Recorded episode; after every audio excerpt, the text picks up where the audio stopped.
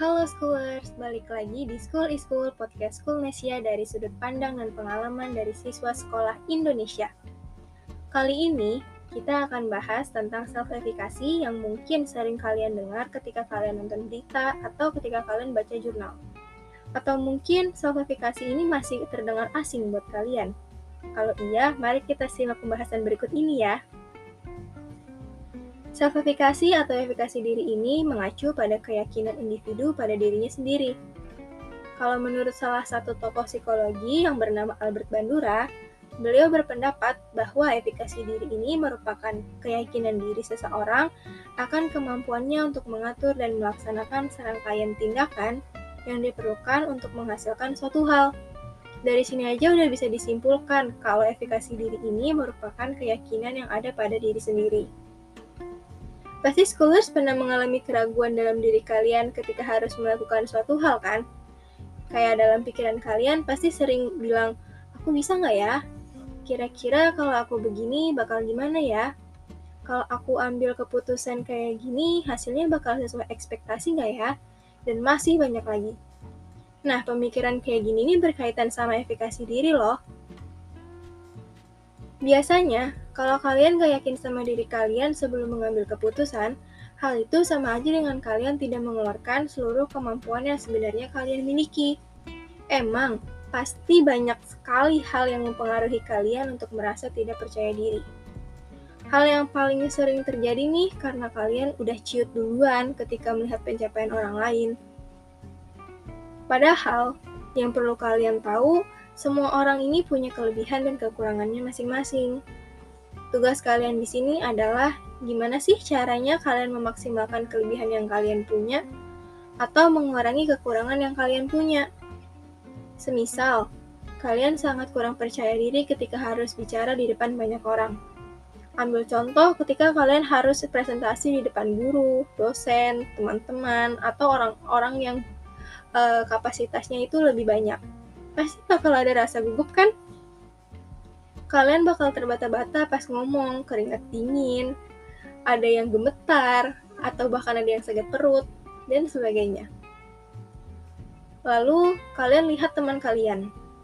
Ambil salah satu orang yang paling menonjol di salah satu lingkungan kalian. Si mahir berbicara di depan banyak orang. Pasti kalian langsung berpikir, kok dia bisa ya berani bicara di depan banyak orang? Dia malu nggak ya kalau dilihat sama banyak orang pas lagi ngomong? Gimana sih perasaan dia pas lagi ngomong di depan banyak orang? Mungkin jawabannya sama kayak kalian, gugup. Tapi percayalah teman-teman, mereka yang sering ngomong di depan banyak orang juga sering ngerasain gugup. Mereka juga sering berpikir, kalau salah gimana ya?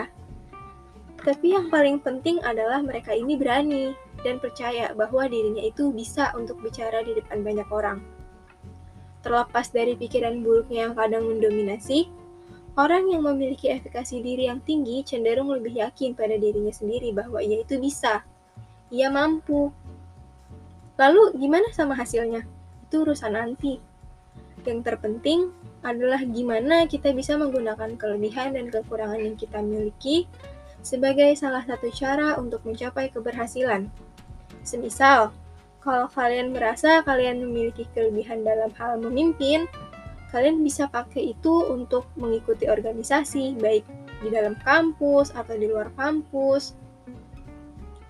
Atau kalau misalnya kamu memiliki kekurangan tentang bersosialisasi, kamu merasa sulit untuk mendapatkan teman, uh, kamu sulit untuk berbaur dengan lingkungan, kalian bisa coba untuk lebih menyamankan diri ketika berbincang sama orang lain.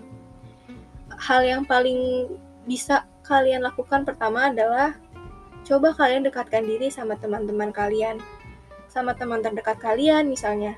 Kalian nyamankan diri kalian untuk berbagi sama mereka. Kalau kalian udah menemukan titik tengah untuk bersosialisasi, maka kalian bisa mengaplikasikan ke dunia yang lebih luas lagi. Karena kan tadi kalian bersosialisasinya sama teman-teman terdekat kalian nih, itu masih dalam ruang lingkup kecil. Kalau misalnya kalian udah ngerasa yakin sama diri kalian sendiri, ngerasa kayak, oh aku bisa nih untuk bersosialisasi lebih luas lagi, kamu bisa praktekin itu ke lingkungan sekolah yang lebih luas, misalnya kamu ikut OSIS, atau kalau kamu kuliah, kamu bisa ikut organisasi kampus, ikut ekstrakurikuler, ikut kegiatan bervolunteer di luar, dan lain-lain. So, percayalah teman-teman, jadi yakin buat diri sendiri ini memang bukan hal yang gampang. Tapi semua itu bisa kok kalian lakuin untuk jadi pengembangan diri kalian. Soalnya kalau bukan diri kalian yang yakin, siapa lagi?